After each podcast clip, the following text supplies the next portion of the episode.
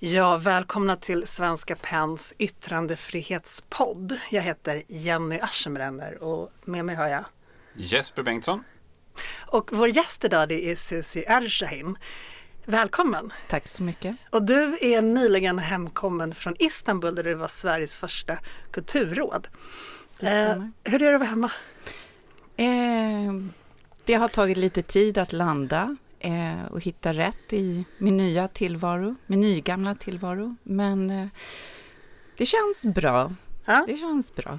Du tillträdde 2013 och kom hem i december 2018. Just det. Det var otroligt turbulenta år i Turkiet Mm. som du var där. Men om vi börjar med hur det var 2013 när du kom dit. Vad skulle du säga, vad fanns det för möjligheter för kulturen att verka fritt där då?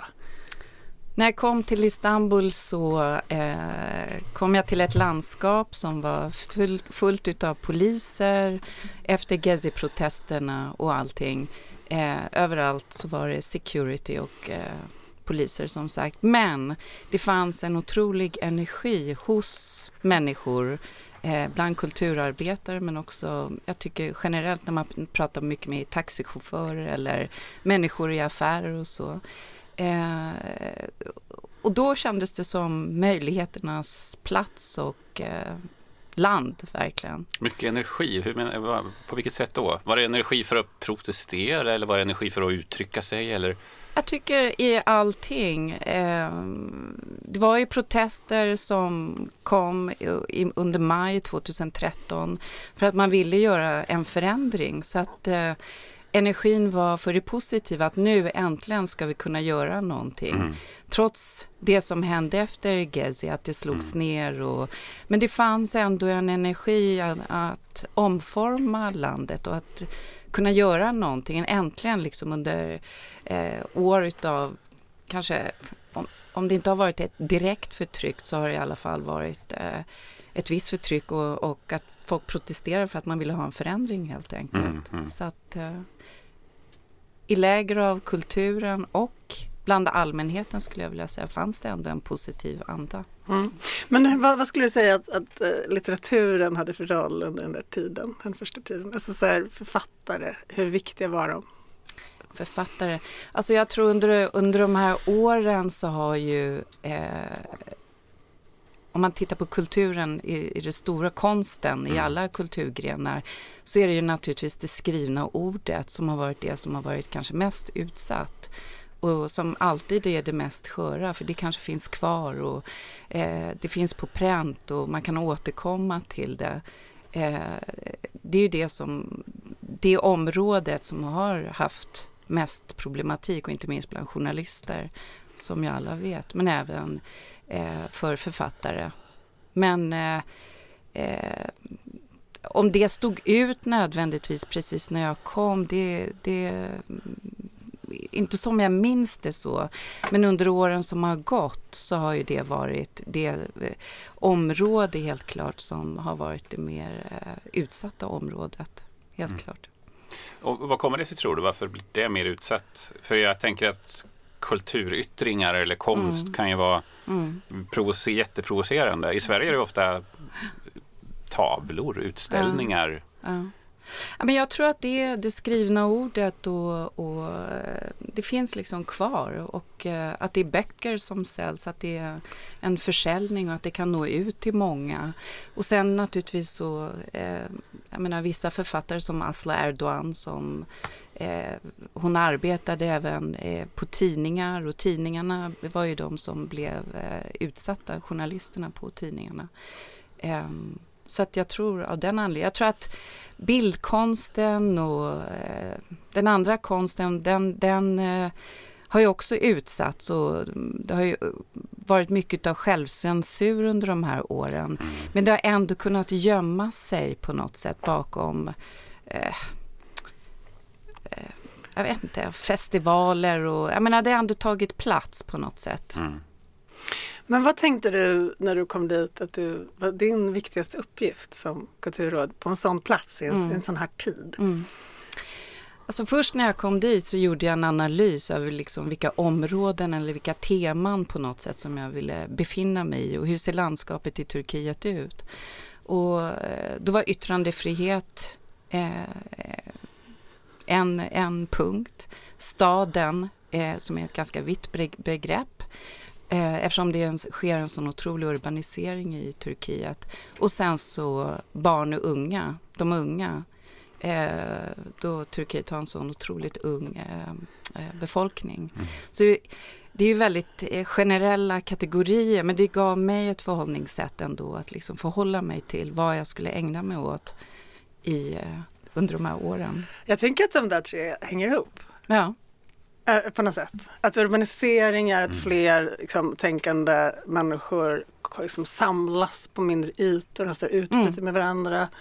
Och att unga som på något sätt hela söker utveckling mm. också behöver liksom, mm. hitta forum för yttrandefriheten. Mm. Finns det sådana kopplingar eller? Jo, det gör det ju. Jag menar, det är klart att det är. Och det är ju, det är ju kanske mer i städerna där Eh, det finns mer organiserade kulturyttringar, även om det finns på mindre platser också mm. jättefina saker som sker.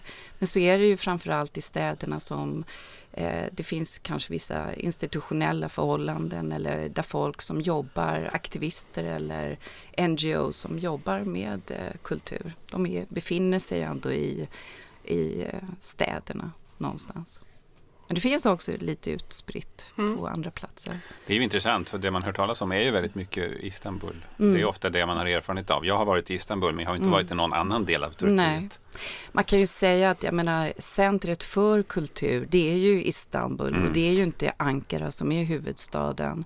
Utan de flesta kanske bor i Istanbul och verkar i Istanbul och de stora massiva festivalerna eller eh, musikevenemang eller teaterföreteelser sker först i Istanbul och sen kanske gå ut i landet lite grann. Mm. Men det är där som eh, de, där de flesta också bor. Mm. Även om det har börjat ske lite förflyttningar till andra platser också. Sådär. Mm. Men...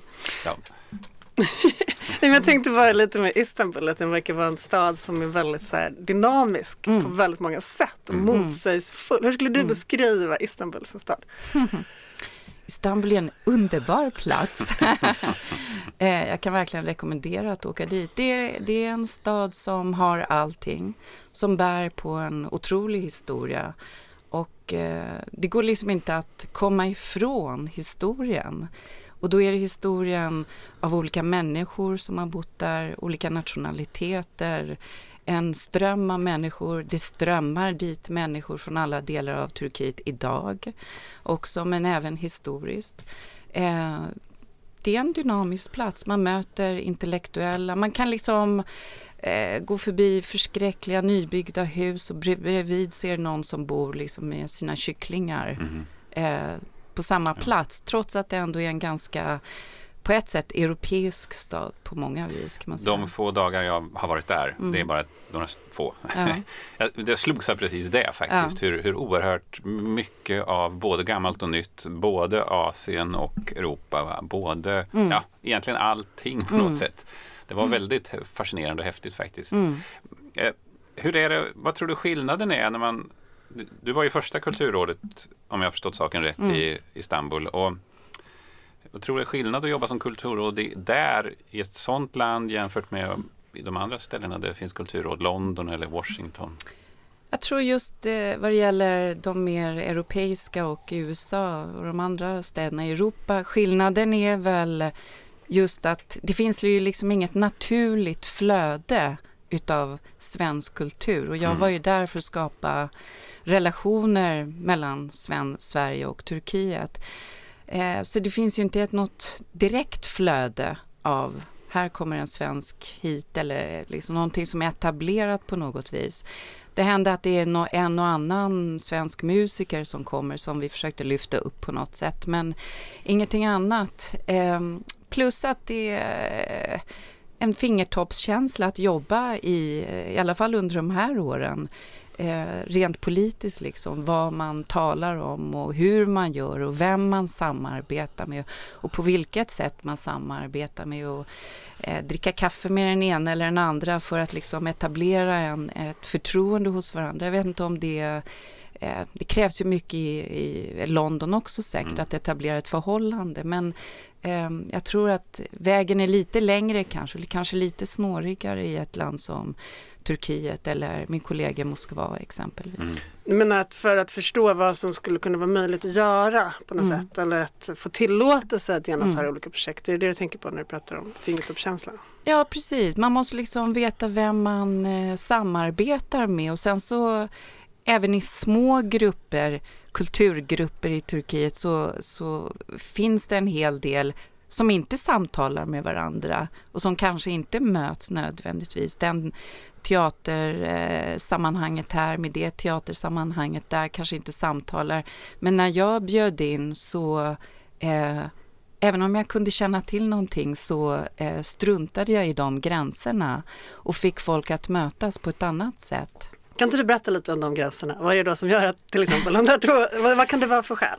Vad kan det vara för skäl? Jag minns exempelvis när jag hade ett eh, dokumentärfilmsmöte när jag hade bjudit in svenska dokumentärfilmer och bjöd in ett kluster av eh, folk som jobbade med film och främst dokumentärfilm i Turkiet. Så var det en kvinna som även jobbade på eh, turkisk television. Och det blev väldigt mycket genast en så här anti-reaktion eh, med att hon var där och att hon skulle ha mhm. en röst. Mm. Men jag tror, eh, för mig var det bra för att man måste kunna mötas och måste kunna samtala med varandra. Och att eh, till stor del i många sådana möten, i alla fall som vi hade på konsulatet, eh, jag och några av mina kollegor, jag försökte alltid tänka på att få in en bredd. Dels, jag menar, eh, vad det gäller åsikter i den mån det går, men även liksom andra kategorier, jäm, eh, kön och sådana saker mm. också. Mm. Så att för, försöka få om jag tog råd om vilka ska jag bjuda in så frågade jag ofta flera källor för att det inte liksom skulle vara en ensidig blick. Jag tycker det har känts viktigt eh, att det, bära med mig det på något och, sätt. Och var det alltid möjligt? Eh, jag ska inte säga att det alltid var eh, AKP-anhängare med eller någonting sånt. Men det kan ju vara också att man kan rent konstnärligt håller sig liksom på lite olika mm. platser utan att det liksom handlar nödvändigtvis direkt om politik men att man kanske har olika eh, förhållningssätt. Det har jag tänkt på lite, vad, mm. just i Turkiet eller i många liknande länder, att mm. vad som är politiskt är inte alltid förutsägbart och inte alltid detsamma som vi definierar som det. Jag tänker just på den kurdiska frågan där, mm. där själva näm- omnämnandet av språket eller, eller mm. användningen mm. av språket blir politiskt. Mm. Och det finns en sån kulturyttringar som kanske normalt sett skulle betraktas som ja, kulturyttringar. Mm. Plötsligt blir statements. Ja. Alltså det, mycket i Turkiet är ju politiskt. Jag mm. menar, det, allting är politiskt någonstans. Hela liksom, eh, det känns som jag verkligen har varit i en eh, bubbla där eh, alla talar politik. Allt ifrån, du vet, så fort man går in i en taxibil så talar vi politik. Mm. Eh, absolut. Eh, det, om jag tänker på just kurder i, i konsten och i kulturen, det, det finns ju fortfarande naturligtvis en, en stor eh, del som inte gör saker på kurdiska, så är det ju, mm. helt klart. Men det finns ju väldigt mycket utövare i eh, alla konstformerna som är kurder och som tar plats. Men det har ju varit som under en filmfestival, nu kommer jag inte ihåg vilket år det var, om det var 2016 eller 2015, där en kurdisk film inte fick visas under, under filmfestivalen i Istanbul. Um, var det något svar på din mm, fråga? Det tror jag. Det var det nog. Ja, men det var väl, um, funderade här innan Jesper på att ibland kan det politiska kanske ligga i språket mm. eller bara så här vad man omnämner. Att, att, för oss så kanske det inte alltid ser ut som ett så här statement. Nej. Men när du säger att allting är politiskt i Turkiet, ja. är det så att alla vill vara politiska eller är det så att allt tolkas som politik? Jag tror mycket, alltså allt är inte politiskt. Nu har jag ett jättepolitiskt meddelande här, men jag tror att eh, i det samhället så blir det politiskt någonstans. Så man läser det och man tolkar det någonstans så. Beror ju på lite kanske i vilket sammanhang man, man eh, sätter konsten eller vad man ska säga. Eh, ja, men Eller så är det jag som läser och mm. tolkar allting sånt. Men vad jag tänkte på med politik, det är att, det, att eh, och yttrandefrihet, jag kan jag är förvånad ändå hur, eh, hur modiga många aktörer har varit att, att på scen till exempel, det är en, en regissör eh, som satte upp en pjäs som eh, handlar helt klart om hbtq-frågor. Mm. Och, eh, och jag var efteråt blev jag orolig för honom. Eh, om han på något sätt kommer att utsättas för någonting, för det var så eh, tydligt, tydligt politiskt liksom. Mm. Eller eh, ett annat jättebra kompani som eh, hela pjäsen reflekterar över de här åren, politiska åren. Och eh, det förvånade mig när jag såg det och jag, igen, jag gick fram till dem och sa, hur kan ni göra det här? Eh, att, hur kan ni uttrycka det här? Men det är det här under de här åren att eh, det, är så oförut, det har varit så oförutsägbart. Vad kan man göra? Mm. Vad kan man inte göra? Vad... Eh, vem kommer råka illa ut och vem kommer inte råka illa ut? Och, eh, jag tror inte, jag har inget svar på det och jag tror många, jag vet inte om mina turkiska kollegor där heller riktigt har något svar på vad det är exakt. Om det inte är direkt liksom att man attackerar eh, den politiska ledningen. Mm. Har, du var inne på det lite förut men skulle du säga att det, vissa delar av kulturvärlden är mer fredad från den här ja, det här stärkta förtrycket som, som har präglat journalistiken så mycket? Mer fredad. Alltså jag tror att det händer saker inom alla områden. Eh, en orkestermedlem i symfonin eh, pensioneras. Eh, det tillsätts ingen ny. Så att det är liksom sådana små grepp mm. Vad kan det bero på? Skett. Hur skulle det kunna vara politiskt menar du då? Ja, för att man eh, man vill på något sätt trycka ner den orkestern då? Ja, eller? precis. Ja. Eller liksom det är en västerländsk företeelse. Mm. Okej, okay. det kan vara så att ja. den här orkestern Att man sakta stryps. Mm. När sista eh, balletteleven på ett universitet eh, när hon eh, avslutade sina studier så tog man inte in nya elever. Det innebär att den eh, eh, ballettfakulteten läggs ner, mm. exempelvis. Mm. Så det är ganska subtila Ja, så det är så, små signaler. subtila förändringar som kanske inte liksom eh, in your face. Mm. Mm. Och ändå har det gått direkt. ganska fort då. Det har gått fort och det har ju hänt också jättemycket inom det akademiska. Det är väl närmare 200 000 akademiker som har förlorat sina jobb och fakulteter som har stängts ner. Mm. Um, ja, så det, det, det, är väldigt mycket. Mm. De här regissörerna som du pratade om som mm. du var mm. orolig för skulle de bli utsatta. Har det hänt, vet du om det har hänt någonting efter de här premiärerna? Nej, det har inte hänt någonting. Vad tänkte du skulle kunna hända dem? Ja, men jag tänker att de skulle kunna få något åtal mot sig, att de inte, kommer, att de inte skulle kunna vara verksamma. Något mer att eh, Eh, Eh, den, den ena var, arbetar för en kommunteater, att de skulle kunna ha slängt ut eh, de här, eh, den här gruppen som jobbar där. Det finns flera olika alternativ. Att man eh, de skulle kunna åtala eller sättas i, kanske i fängelse, jag vet inte. Men eh, på något sätt strypa det de håller på med. Mm.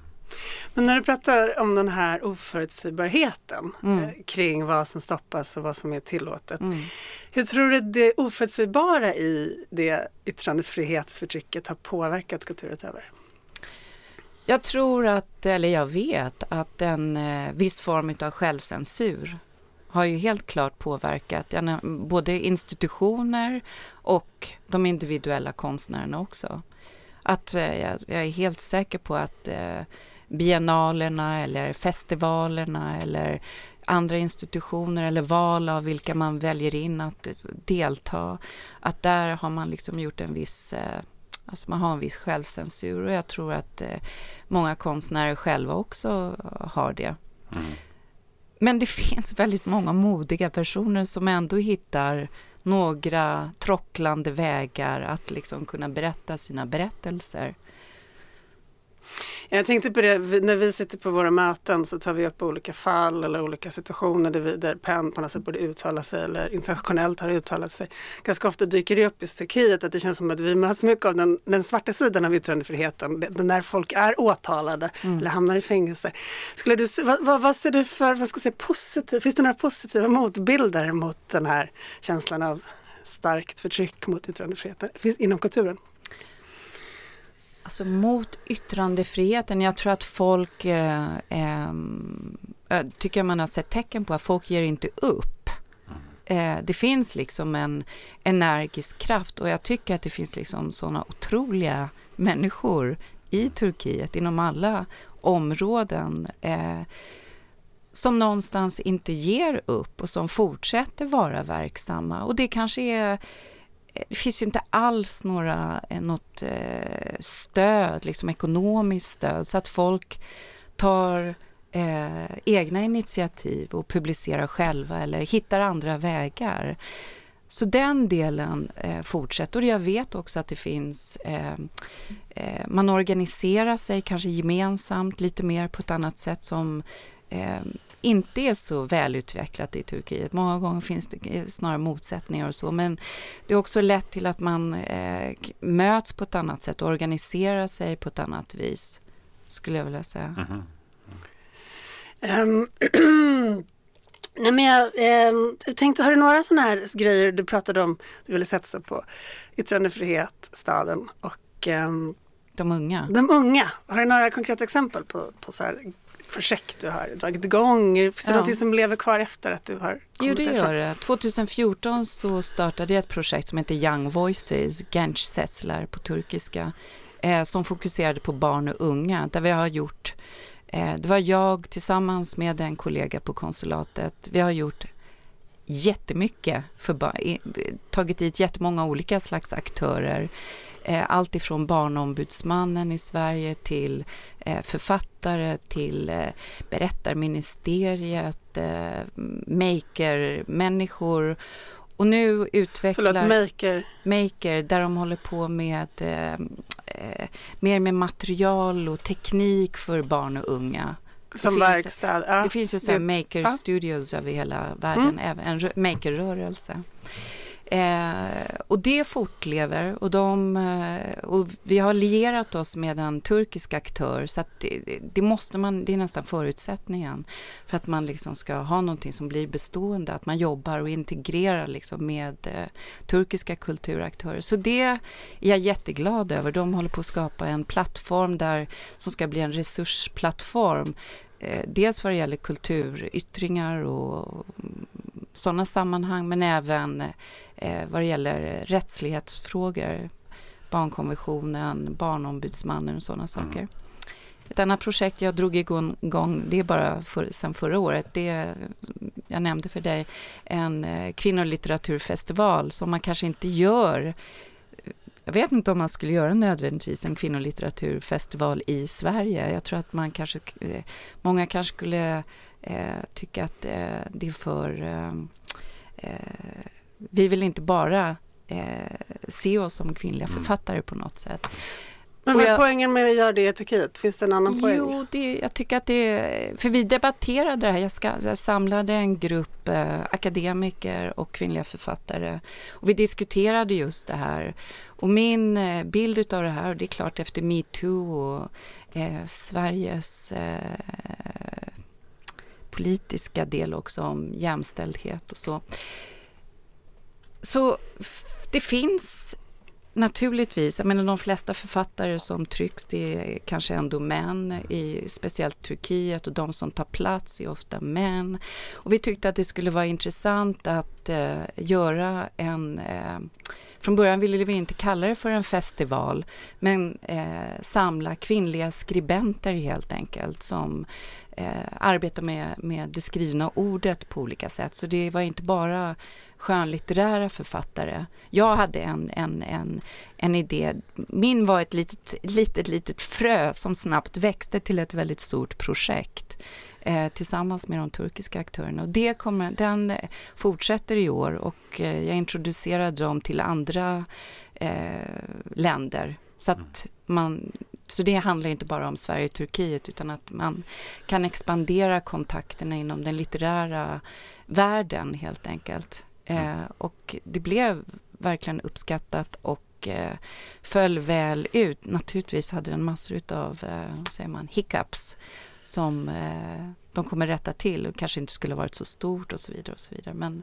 den kommer att fortsätta. Det är jag jätteglad över. Du nämnde ju barnkultur där och mm. ofta så har vi i förtryckande system har ju ofta barnlitteratur och barnkultur varit lite av en sån här frizon som vi pratade om mm. förut. Att den, den rör man inte, där är det lättare att liksom mm. vara, till och med vara samhällskritisk då fast mm. kanske genom allegorier eller ja. liknelser och sådär. Eh, funkar det så också i Turkiet? Inte riktigt faktiskt. Och redan 2014 så gjorde jag ett ganska stort eh, seminarium med turkiska barnboksförfattare. Och eh, det här var inte nödvändigtvis med liksom, eh, den politiska ledningen i landet just nu men det har kanske med en längre tradition med Turkiet och det politiska livet och var de är. Eh, det är många ämnen man inte tar upp i barnlitteraturen, också liksom rent kulturellt mm. har inte kommit dit att man talar inte eh, om sex i böckerna eller nödvändigtvis att eh, ämnen som i Sverige kanske är aktuella om eh, att skilja sig eller förhållande med sina föräldrar på olika sätt. Det är liksom ämnen så här. Barnboksförfattare i Turkiet, det, de, om de ska överleva på något sätt så är de väldigt beroende av att skolor köper in deras böcker. Ja. Och skolorna skulle aldrig köpa in de här böckerna, så naturligtvis finns det liksom en politisk eh, mm. tråd i det här. Mm. Men eh, det var jätteintressant verkligen att diskutera det här med, med dem.